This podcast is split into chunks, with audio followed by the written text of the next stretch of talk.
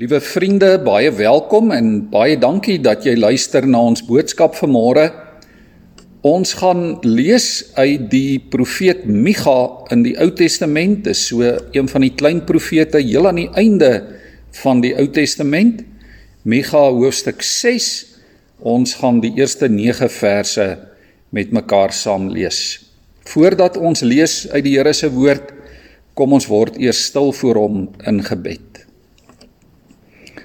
Almagtige Hemelse Vader, Here baie dankie dat ons hierdie geleentheid het om vanmôre bymekaar te kom rondom u woord. Dankie dat ons die Bybel het om uit te lees. Dankie Here dat ons u woord kan aanhoor, dit kan oordink, dat ons daardeur geïnspireer kan word en Here dat u woord ons wil motiveer om ook as u kinders, as u getuies in hierdie wêreld te leef. Here ons eer U as ons Vader, as die een wat ons liefhet en ons versorg. Ons eer U as Jesus, ons verlosser en redder. Die een wat ons losgekoop het om aan U te behoort. En ons eer U as die Heilige Gees, die trooster wat binne in ons woon, wat ons elke dag inspireer en motiveer en aanmoedig om as U kinders te lewe. Here kom nou deur u woord en deur u gees kom praat met ons, kom versterk ons in ons geloof sodat ons ook deur ons getuienis u naam kan grootmaak en u koninkryk kan uitbrei.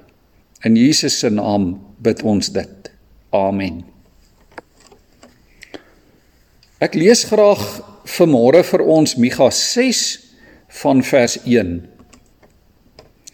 Hoor wat die Here sê Maak klaar, roep die berge as getuie. Laat die heuwels hoor wat jy te sê het. Berge, vaste fondamente van die aarde. Julle moet luister na die saak wat die Here het. Ja, die Here het 'n saak teen sy volk. Hy het Israel aangekla. My volk, wat het ek jou aangedoen? Hoe het ek jou moeg gemaak? Antwoord my. Ek het jou uit Egipte gebring. Ek het jou uit die plek van slawerny gered. Ek het vir Moses gestuur om jou te lei, ook vir Aaron en Miriam. My volk, dink aan die planne van koning Balak van Moab en wat Biliam seun van Beor hom geantwoord het. Dink aan alles tussen Sittim en Gilgal en weet dat die Here julle die oorwinning laat behaal het. Wat sal ek saamvat? As ek na die Here toe gaan, as ek voor die hoë God gaan kniel, moet ek met offers na hom toe gaan met jaar oud kalwers? Sal die Here duisende ramme aanvaar saam met 10000de offers van olie? Moet ek my eersgeborene offer vir my sonde, hom wat uit my liggaam kom vir my oortreding? Mens, die Here het jou bekend gemaak wat goed is. Hy vra van jou dat jy reg sal laat geskied, dat jy liefde en trou sal bewys, dat jy bedagsaam sal lewe voor jou God. Om die Here te dien, dit is wysheid. Ons lees net tot sover uit die Here se woord mag die Gees dit ook aan ons harte seën. Liewe vriende, as ek 'n opskrif vir hierdie boodskap kan gee, dan is dit wat die meeste saak maak vir God. Wat die meeste saak maak vir God. Die afgelope week gesels ons so oor die jaar wat amper verby is.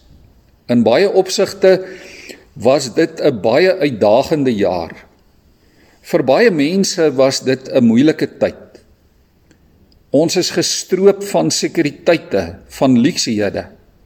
Ons kon nie vrylik rondbeweeg soos wat ons dalk graag sou wou nie. Ons kon nie met vakansie gaan nie. Baie van ons kon nie by familie of vriende gaan kuier nie. Ook nie by 'n oupa of ouma in die ouetehuis of by 'n vriend of 'n familielid iewers in 'n hospitaal nie. Kontak met medegelowiges kan ook nie gebeur soos gewoonlik nie. Daar is allerlei regulasies en inperkings waaraan ons deur die loop van hierdie jaar moes voldoen en waarskynlik nog steeds moet voldoen. En dalk voel ons soms in ons harte dat baie daarvan glad nie sin maak nie, dat dit geen betekenis of geen waarde het nie. Vanmôre is daar ook baie besigheidseienaars en individue wie se finansiële toekoms waarskynlik onseker lyk. In die tyd van Micha was gelowiges ook erg getraumatiseer en gedisoriënteer. Die kinders van die Here het nie geweet wat om te doen en hoe om te reageer nie. En toe kry hulle hierdie antwoord van die Here in vers 8. Mens, die Here het jou bekend gemaak wat goed is. Hy vra van jou dat jy reg sal laat geskied, dat jy liefde en trou sal bewys dat jy bedagsaam sal lewe voor jou God. 'n Bekende teoloog som dit op met die woorde: Act justly, love mercy, walk humbly. En hierdie drie dinge, liewe vriende, kan nooit van jou en van my af weggevat word nie. In die eerste plek om te lewe vir dit wat reg is, ook vir die belange van medemense, van armes, van behoeftiges, van die randfigure in die samelewing. In die tweede plek om alles in liefde te doen. Ook wanneer jy dan moet opstaan vir dit wat reg is, om dit nog steeds in liefde te doen en te hanteer. En in die derde plek om 'n nederige afhanklike verhouding met God te hê. In die eerste 5 verse sien ons dat dit gaan oor 'n hofsitting. Die eerste 5 verse is ook in die vorm van 'n regspraak waarin God die volk aankla. Hy het hulle uit Egipte verlos. Hy het hulle in die woestyn beskerm. Hy het hulle in 'n nuwe land ingelei en hulle versorg, maar hulle het dit vergeet. Deur die jare het die Here hulle geleer hoe om te lewe, maar hulle het dit nie konsekwent gedoen nie. Hulle het wel nog sekere dinge vir die Here gedoen. Nogal dramatiese dinge, soos brandoffers wat hulle na die tempel toe gebring het. Hulle het uitnemende dinge vir die Here gedoen soos jaar oud kalwers wat hulle ook aan die Here toegewy het. Hulle het oorvloedige dinge gedoen soos duisende ramme en 10000de houers vol olie om aan die Here toe te wy. En dan het hulle ook kosbare dinge gedoen soos om hulle eersgeborenes aan die Here te wy.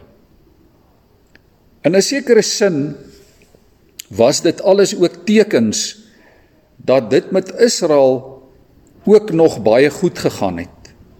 Ten spyte van groot onrus en veranderinge op politieke gebied was die tempel nog goed versorg. Vir die eerste keer in jare was die inkomste daar by die tempel meer as die begroting. Maar tog tog het die Here met hulle hierdie hofsaak En hoor hoe begin die Here sy klag in vers 3. Hy sê: "My volk, wat het ek jou aangedoen? Hoe het ek jou moeg gemaak? Ek was nog altyd net goed vir jou. Ek het jou nog altyd versorg. Ek was nog die hele tyd by jou en lief vir jou." In hulle verhouding met die Here en hulle verhouding met hulle naaste, met hulle medemens was daar groot leemtes. Deur die jare het die Here vir hulle mooi en duidelik gewys, hulle geleer wat nodig is in hulle verhouding met hom en met ander, met hulle medemense. Maar hulle het dit nie ernstig opgeneem nie. Die stem van die Here roep hard en duidelik tot die stad: "Dien die Here, want dit is wysheid." Maar dis asof hulle glad nie hierdie stem, hierdie wekroep van God hoor nie. Die Here bevestig sy liefde en sy sorg en sy verhouding met hulle En hoor hoe reageer hulle nou hier in vers 6 en 7. Hulle vra: "Wat moet ons saamvat as ons na die hoë God toe gaan en voor hom gaan kniel? Moet ons allerhande offers vat, jaar oud kalwers, duisende ramme, 10000de olieoffers? Moet ons ons eersgeborenes vat? Moet ons hulle voor die Here gaan offer?" Dis asof hulle dink hulle moet God se guns op 'n manier probeer wen. Dat hulle met God moet onderhandel. Maar intussen soek die Here nie hulle goed nie. Hy soek nie hulle besittings nie. Hy soek hulle hart. Hy soek hulle lewe.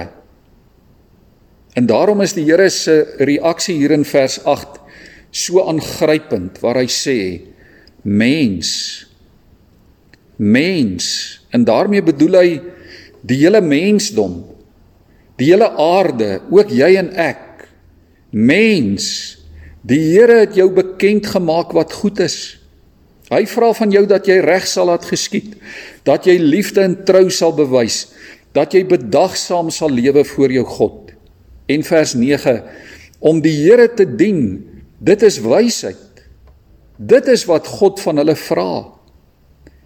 En liewe vriende, dit is wat God van ons vra.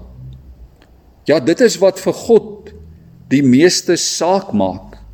Dit is wat in God se hart lewe oor ons en oor hierdie wêreld waarvan ons deel is. Kom ek vra 'n vraag. Wat gee vandag sin en betekenis aan die lewe hier op aarde.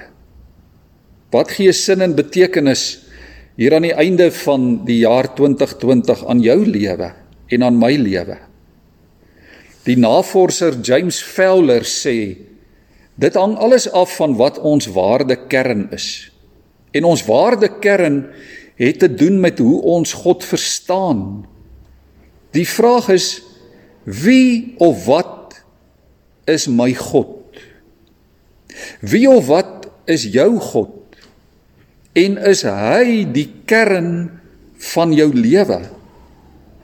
As die almagtige God, die skepper van hemel en aarde, die God van die woord van die Bybel, as hy my kernwaarde is, dan sal die wêreld en die lewe sin maak. Jou waardekern bepaal jou lewe.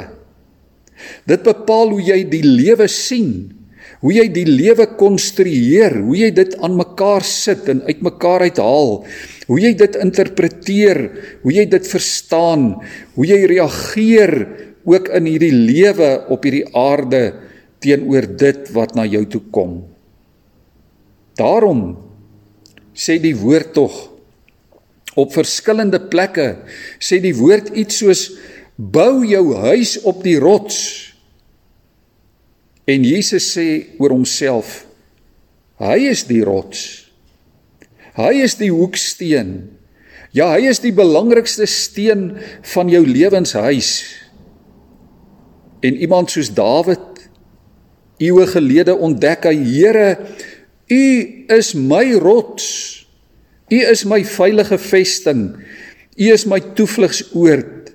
Here U is my waarde kern. Liewe vriende, as iets of iemand anders as God dan in die waarde kern van jou en my lewe kom staan, dan begin dinge skeefloop. Ja, dan begin ons afgode dien. Afgode wat in ons moderne tyd verskillende forme aanneem. Ons sien dit ook dwars deur die eeue. Ons sien dit in Israel se geskiedenis dat elke keer waar God nie die waarde kern van hulle lewe en van hulle wel en wee was nie, hoe dat hulle afgode begin dien. In ons tyd neem dit die vorm aan van dinge soos welvaart, voorspoed, vooruitgang, individualisme, humanisme, prestasie, selfsug, verkeerde motiewe, selfs godsdiens kan 'n afgod word. En dan begin ons goed aanbid asof dit God is. En ons behandel mense asof hulle goed is. Dis 'n verbruikerskultuur wat in ons kultuur en in ons dag tot dag bestaan ontwikkel. Wanneer ons iets kan gebruik of verbruik, is dit vir ons goed. Wanneer ons in die kerk sekere voordele kan gebruik, wanneer die kerk vir ons nuttig is, dan maak dit sin. Maar wanneer dit iets van ons vra, wanneer dit toewyding van ons vra, wanneer God van ons 'n lewe van toewyding in geloof en afhanklikheid en diens en vertroue en betrokkenheid vra, dan word dit vir ons te veel. En so word God in werklikheid al kleiner en kleiner vir baie mense. Vir baie word God soos 'n ou gryskop oomie met 'n lang wit baard wat ons dophou, wat ons straf. Of God word soos 'n polisieman of God word soos 'n marionette meester wat ons die heeltyd beheer of hy word soos 'n besturende direkteur aan wie ons die heeltyd verantwoording moet doen of God is net nie meer vir ons opwindend genoeg nie. Die vraag is wie en hoe is God? Dis 'n vraag waarvan die antwoord deur die eeue, liewe vriende, nooit verander het nie. Dit sal ook nooit verander nie. God wat sy kinders uit slawerny lei, verander nie. God wat sy kinders na vryheid bring, verander nie. God wat in die geskiedenis ingryp sodat ons 'n vervulde, sinvolle lewe kan hê, verander nie. En ons kan hierdie God vertrou want hy hou sy beloftes. Ja, hy is die God van vrede. In sy koninkryk heers vrede en geregtigheid, waarheid, vryheid, heelheid, versoening. Hy is die genadige verbondsgod wat uitreik na mense, wat mense insluit in 'n verhouding met hom. Hy is die God wat ons in liefde aan hom wil verbind sodat ons hom en ander medemense kan lief hê.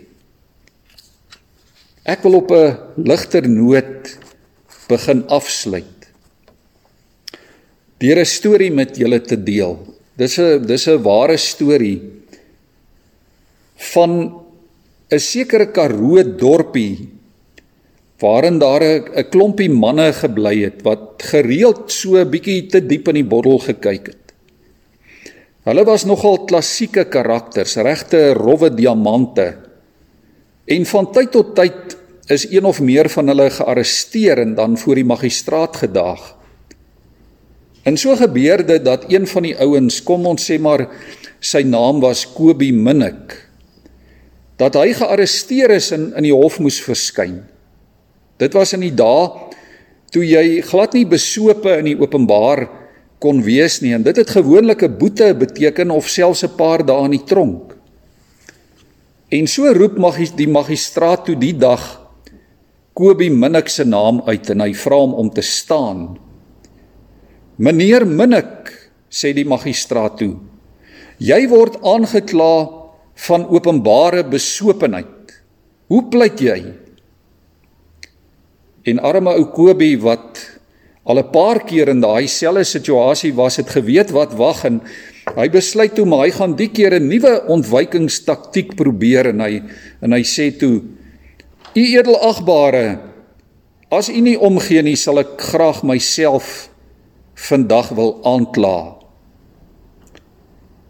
Nodeloos om te sê die magistraat se belangstelling is dadelik geprikkel en met so 'n skalkse glimlaggie in sy mondhoeke sê hy: "Goed, kom laat ons hoor." En daar trek ou Kobie weg.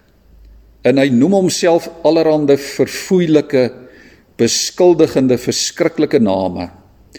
Jakobus Minnik sê hy: Jy is laag en gemeen en ruggraatloos.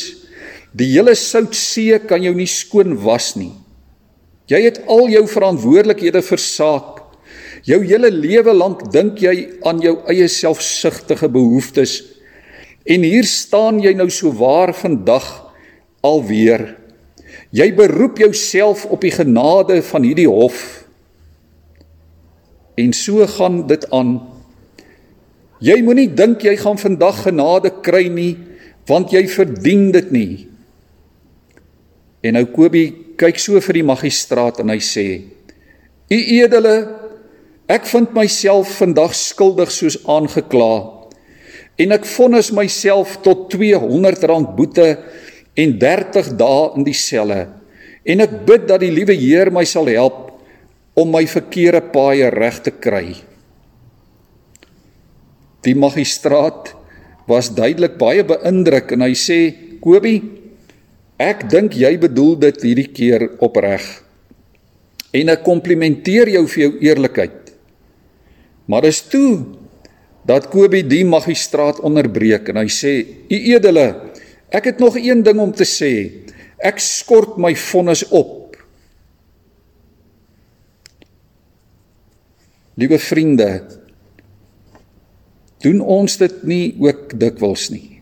Ons is dikwels so behep met onsself dat ons blind is vir die wil van God. Dat ons blind is vir dit wat vir God saak maak. Israel was skuldig soos aangekla en so is ons ook. Ons kan nie ons eie vonnis opskort nie. Net God kan dit doen. En hy doen dit in Christus Jesus ons verlosser. Hy betaal ons boetes. Hy dien ons straf uit. Hoe kan ons dan nie bedagsaam voor die Here lewe nie? Hoe kan ons dan sy geregtigheid ignoreer? Hoe kan ons dan nie liefde en trou aan die Here bewys nie? Ek sluit af. Wat is geloof? Geloof is om die Here jou God lief te hê met jou hele hart en jou hele siel en jou hele verstand en met alles wat jy is en om jou naaste lief te hê soos jouself. Geloof is om God te ken en te vertrou en saam met God te leef en saam met God te stap daar waar hy stap om aan hom vas te hou selfs in die heel moeilikste tye van die lewe. En as God dan vanmôre al hierdie dinge is, as God lewe is en liefde en genade en vryheid, vrede, geregtigheid, waarheid, deernis en nog baie baie meer. Dan is dit ook hoe jy en ek wat saam met God op pad is, moet lewe. Ons moet streef na God, na wie en wat hy is as die waarde kern vir ons lewe. Dit beteken dat jy en ek onsself sal gee, nog steeds vir God sal gee, elke dag sal gee en in diens aan mekaar en aan ander. Wat vra die Here? Lewe bedagsaam voor God. Lewe bedag, bewus van sy wil. Bewys liefde en trou Ryk uit, gee om verander en laat reg geskied oral in die openbare lewe maar ook in jou persoonlike lewe. Geregtigheid, liewe vriende, is hoe ons liefde vir God lyk in die openbaar. Daar waar ons lewe, daar waar ons werk daar waar ons speel, daar waar ons elke dag besig is, daar waar ons ontspan, hoe ons liefde vir God lyk. Dit is geregtigheid. Amen. Ontvang ook hiermee die seën van die Here. Die genade van die Here Jesus Christus en die liefde van God en die gemeenskap, die teenwoordigheid van die Heilige Gees sal by jou en met jou wees. Amen.